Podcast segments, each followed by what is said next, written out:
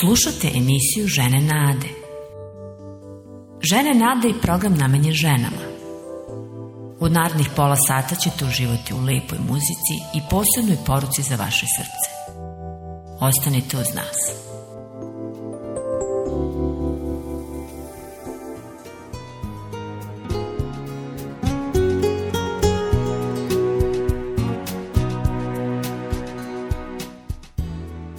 Dobrodošli u program Žene Nade.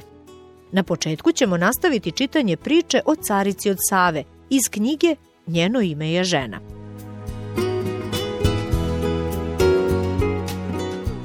Ono što je u glasovima o caru Solomonu bilo izuzetno, bilo je to što su oni uvek bili vezani za ime gospodnje. Govorilo se da je Jahve, bog Izraela, bio izvor njegovog napretka. Ona sama je poznavala mnoge bogove, bogove mira, zemlje, rata, vina, dana i noći, ali oni nikada nisu ni jednom problemu dali rešenje. Da li će ovaj biti u stanju da to učini? Način na koji je carica odredila svoje prioritete dokazuje da je bila mudra žena. U svojoj mudrosti ona je prihvatila ograničenja svog znanja i uvida. Želela je da više sazna i bila je spremna da podnese mnoge žrtve da bi stekla mudrost. Njeno vreme, novac i trud služili su za postizanje ovog cilja. Prava mudrost ide ruku pod ruku sa poniznošću. Carica od Save je bila dovoljno ponizna da spoljašnjem svetu kaže da traga za nečim većim i da nije zadovoljna svojim stanjem. Svako ko je video karavan koji prolazi, znao je da je carica od Save na putu za Jerusalim da se savetuje sa mudrim Solomonom. Dok je prilazila poslednjoj krivini na putu, ugledala je grad Jerusalim smešten na planinama. Neke od dominantnih građevina privukle su njenu pažnju, posebno careva palata i hram njegovog boga. Njene umorne kamile bile su povijene pod skupocenim teretima raznih začina, zlata i dragog kamenja. Bila je to vrednost koja se nije mogla ni proceniti. Procenjuje se da bi 120 talenata zlata danas imalo vrednost od oko 26 miliona dolara. Solomon, deseti Davidov sin, a drugi iz njegovog braka sa Vicavejom, bio je treći izraelski car. Po Božjoj volji prorok Natan ga je nazvao Jididija, što znači mio gospodu ili onaj koga Bog voli. Kada je od svog oca nasledio tron, Bog mu se jedne noći javio u snu i pitao ga, šta hoćeš da ti dam? Odgovor mudrog čoveka ukazivao je na njegovu poniznost i zavisnost. Daj, dakle, sluzi svojemu srce razumno da može suditi narodu tvojemu i raspoznavati dobro i zlo. Jer ko može suditi narodu tvojemu tako velikom? Njegov odgovor je bio tako ugodan Bogu da mu je podario mudrost tako veliku da joj nikada nije bilo ravne, a tome je dodao i bogatstvo i čast. Solomon se isticao i izdigao iznad svih drugih careva – njegov narod je doživeo zlatno doba svoje istorije.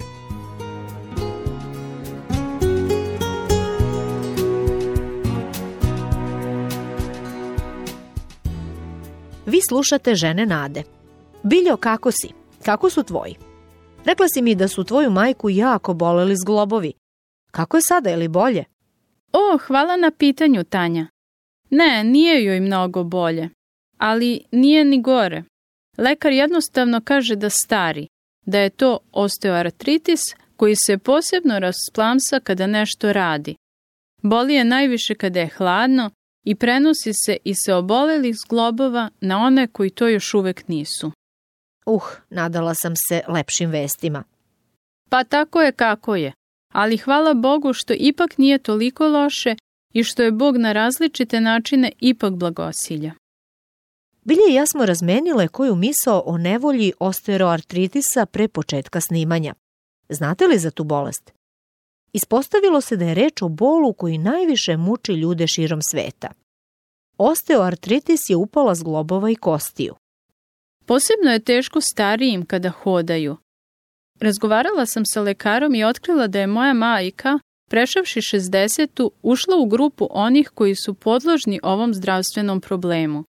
To je u jednu ruku i normalno jer je žena, majka i baka. Dakle, osteoartritis napada one nakon 60. a posebno žene. Jel možemo da kažemo da je to svojevrsna istrošenost zglobova? Baš tako. Iz nekih razloga naša hrskavica, inače elastično, sklisko tkivo, koje nam natapa zglobove, nestaje. Ne obnavlja se dovoljno brzo. Zbog toga nam se kosti u zglobu taru i izazivaju bol. To se obično prvo dešava u zglobovima. Dakle, osteoartritis je veoma čest i znamo dosta o njemu. Šta još možemo da kažemo o simptomima? Pa bol je sve jača kako vreme prolazi. Zglobovi i prsti bole u nekim pokretima više, u nekim manje. Možda i vi, drage naše slušateljke, patite od ove bolesti ili imate nekog blisko ko pati od osteoartritisa. Hajde da malo bacimo više svetla na ovu pojavu. Verujemo da će vam biti od koristi.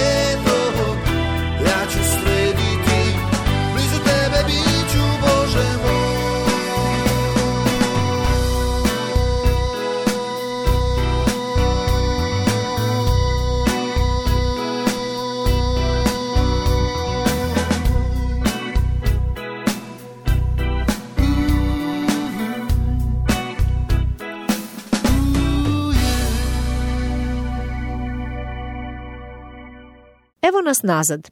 Slušate Žene nade. I danas govorimo o osteoartritisu. Bavile smo se ovom temom, istraživale i otkrile da je reč o možda najraširenijoj bolnoj pojavi.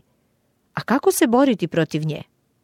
Pa, na mnoge faktore ne možemo da utičemo, starenje je neminovno. Postoje i nasledni faktori.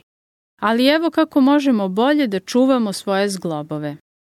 Zdrava hrana, posebno voće i povrće, skidanje viška kilograma, što je jako, jako važno za kolene i kukove koji se oštećuju već u 20. godinama života.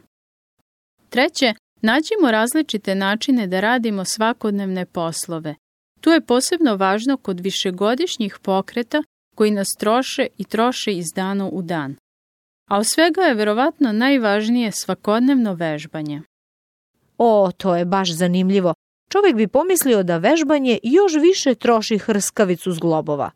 Da, ali to nije slučaj. Vežbanje jača kosti i zglobove. Takođe, mnogo toga možemo da uradimo ne bili usporili razvoj bolesti i ublažili simptome. Dakle, i sa ovim problemom možemo kvalitetno da živimo. Utopljavanje pomaže. Štiti zglobove od onih groznih bolova. Vežbanje je više nego važno. Istežemo zglobove do maksimuma svakodnevno. Razgovarajte sa lekarom o tome. Koristite elastične zavoje kako biste osigurali čvrstinu zglobova. To posebno važi kada imamo upalu. Znam da mnoge žene spavaju sa ovim štitnicima. To me podsjeća na neko traženje ravnoteže između kretanja radi poboljšanja i mirovanja radi zaštite. Baš tako. Vežbajmo tako da nas ne boli. Vežbajmo zapravo kada nas najmanje boli. Ali pre toga zagrejmo zglobove blagim pokretima. Nego, rekla si da je važno da pazimo na gojaznost, da je zdrava ishrana veoma važna. Da, ali nije sve u skidanju kilograma. Neka hrana deluje različito na različite ljude. Recimo crveno meso, kafa, Coca-Cola, šećer. Obratite pažnju kako neka hrana utiče na vas. Neki proizvodi umanjuju upalu, kao što je beli luk, neki smanjuju oštećenja koje nastaju u procesu starenja. To su takozvani antioksidanti, uglavnom sveže voće i povrće, posebno sve ono što je naranđaste boje, zatim orasi, laneno seme i seme bundeve. Riba, posebno riblje ulje, je odlično. Videla sam u apoteci dobre dodatke ishrane za problem artritisa. Naravno, ako su provereni, mogu i tekako da pomognu. Dobro, da zaključimo. Zdrava ishrana, vežbanje, odmaranje, dobra prevencija i lečenje. A ako imate baš dijagnozu, neki oblik osteoartritisa, koristite štitnike i utopljivače kako biste zaštitili zglobove. Naravno, analgetici su tu kada jako boli. Slušajmo lekarske savete za naše konkretne okolnosti. Nema sumnje da svi mi starimo, pa je potrebno da što pre usvojimo zdrave navike. Starenje nije zabavno, ali moramo da se pripremimo za sutra najbolje što možemo. Reći ćemo o toj pripremi nešto nakon jedne pesme.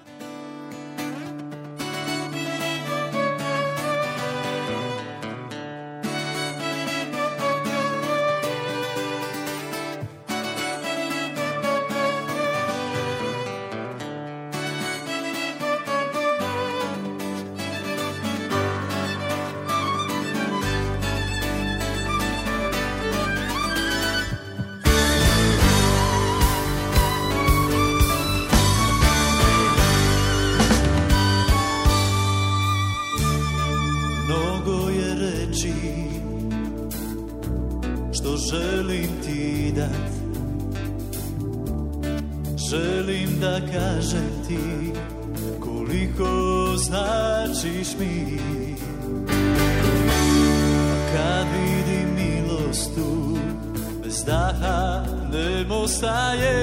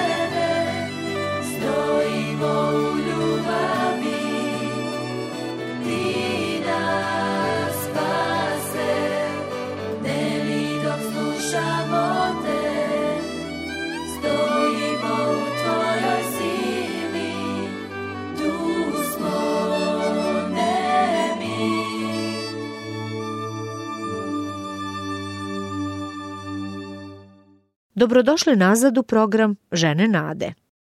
Danas govorimo o prolaznosti i o nekim simptomima i bolestima koje se javljaju sa godinama. Sećam se tate kada je umirao koliko je samo čekao da prekorači s one strane i sretne s gospodom Isusom. Na trenutke bi zaboravljao na sve i postajao bi ushićen. Zato bih htjela da podelim sa vama nešto iz Božje reči, iz Svetog pisma, koje s puno pažnje govori o našoj prolaznosti i starenju. Reč je o jednom pismu koje je apostol Pavle napisao pre 20 vekova crkvi tadašnjeg grada Korint. U to vreme su ga već stigle godine i neki zdravstveni problemi. A pored toga je kao misionar doživljavao velike teškoće sa ljudima i tadašnjim sistemom. Evo kako o tome piše na jednom mestu. Jer ova lagana nevolja koja nas je trenutno snašla priprema nas za izvanredno i neizmerno večno izobilje slave. Mi naime ne pridajemo važnost onome što se vidi, nego onome što se ne vidi, jer vidljivo je privremeno, a nevidljivo je večno. Druga poslanica Korinćanima 4, 17 do 18. O, kako divne reči! Naše telo i njegovo trošenje i starenje nisu presudni, jer duh ostaje jak u nadi koja se ne koleba. Bog želi da se okrenemo neprolaznoj stvarnosti, obećanjima koje nam je dao. Da, prečesto se jedino okrećemo stanju svog tela. Mi žene činimo mnogo toga da ostanemo lepe, da smo doterane, zdrave i utegnute. Ništa od toga nije loše. Ali apostol nas opominje da postoji nešto važnije. Ja se uvek setim razlike boravka pod šatorom i u kući. Jednom smo pričale kako su jevreji čak 40 godina živeli u šatorima, boravići u pustinji. Tek nakon toga su ušli u obećanu zemlju i tamo se trajno nastanili. Da, jesmo. Pričale smo o tome. Možemo samo da zamišljamo kako su izgledali ti njihovi šatori nakon četiri decenije. Ženama se već smučilo da stavljaju krpu na zakrpu. A zamislimo ih kako u obećanoj zemlji konačno ulaze pod valjani krov nad glavom. Kakvo olakšanje. Kako li je ljudima koji beže pred ratom, pa se sklone u razne kampove, a otišli su iz svojih domova? Svakako su zahvalni za kakav takav zaklon, ali šator je ipak samo šator. Da, lepa slika, ali hajde da vam pročitamo još nešto od apostola Pavla. Ovako piše. Znamo naime da ako se zemaljski šator u kome živimo i razruši, imamo stan od Boga, večni dom na nebesima, koji nije sagrađen ljudskom rukom, jer u ovom šatoru uzdišemo i čeznemo da preko njega obučemo na sebe naše nebesko obitavalište. Zaista, kada ga obučemo na sebe, nećemo biti neodeveni. Mi naime koji živimo u šatoru tela stenjemo pod njegovim teretom, ali ne želimo da ga se rešimo, nego da preko njega obučamo novo telo, tako da život proguta ono što je smrtno. Druga Korinćanima, peto poglavlje od prvog do petog stiha. O, hajde da se malo udubimo u ove reči. Niko od nas ne pomišlja stalno na smrt, zar ne? Šta više, većina ljudi i ne voli makar kako malu misa o njoj. Zato danas neki sanjaju o reinkarnaciji, o novom ciklusu života. Ali Bog nam govori o novoj kući, to jest o novom telu koje neće stareti, razboljevati se i koje će trajati do veka. Kvalitetom će biti neuporedivo bolje od svake naše najbolje ovozemaljske verzije.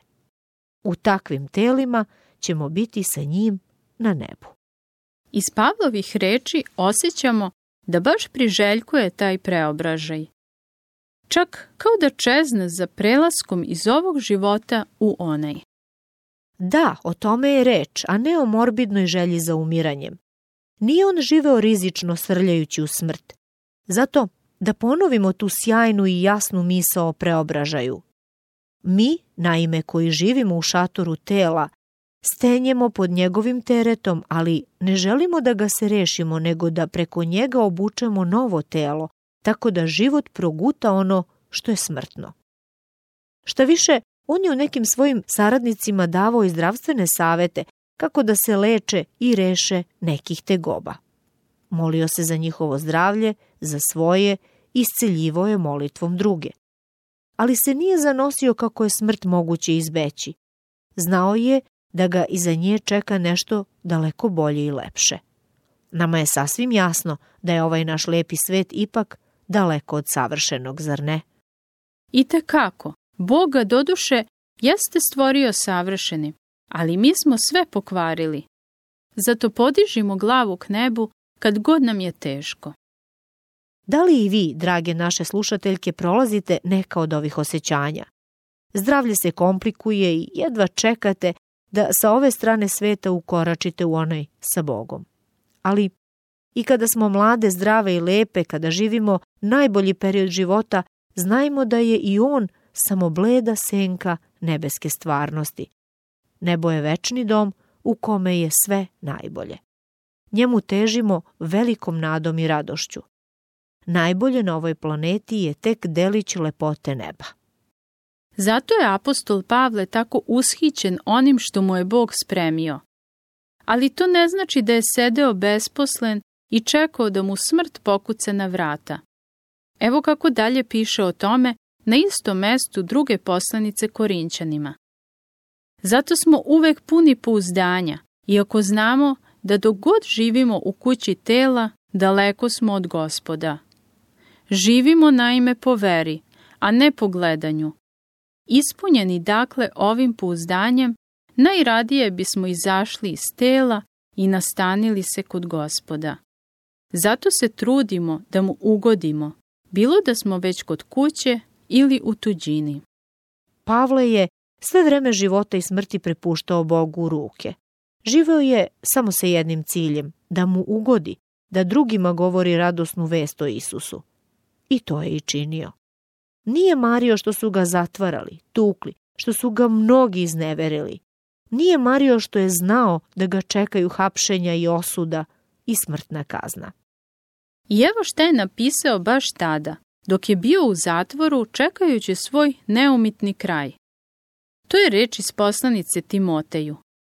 Jer ja se već izlivam kao žrtva izlivnica i vreme mog odlaska se primaklo.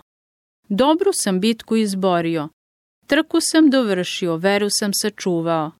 Osim toga, već mi je pripravljen venac pravednosti kojim će me nagraditi gospod, pravedni sudija.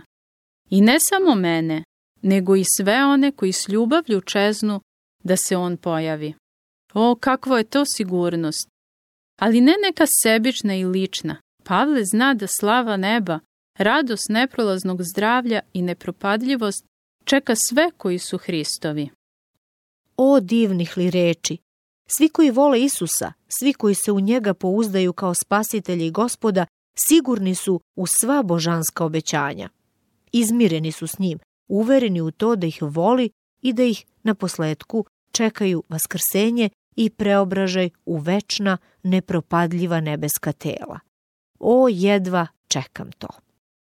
Kako samo divnu nadu imamo. Drage naše slušateljke, Bog i vas voli. Poslao je svog sina Isusa da preuzme vaše grehe i svu kaznu za njih. Svojom smrću i vaskrsenjem želi i vas da izmiri sa Bogom.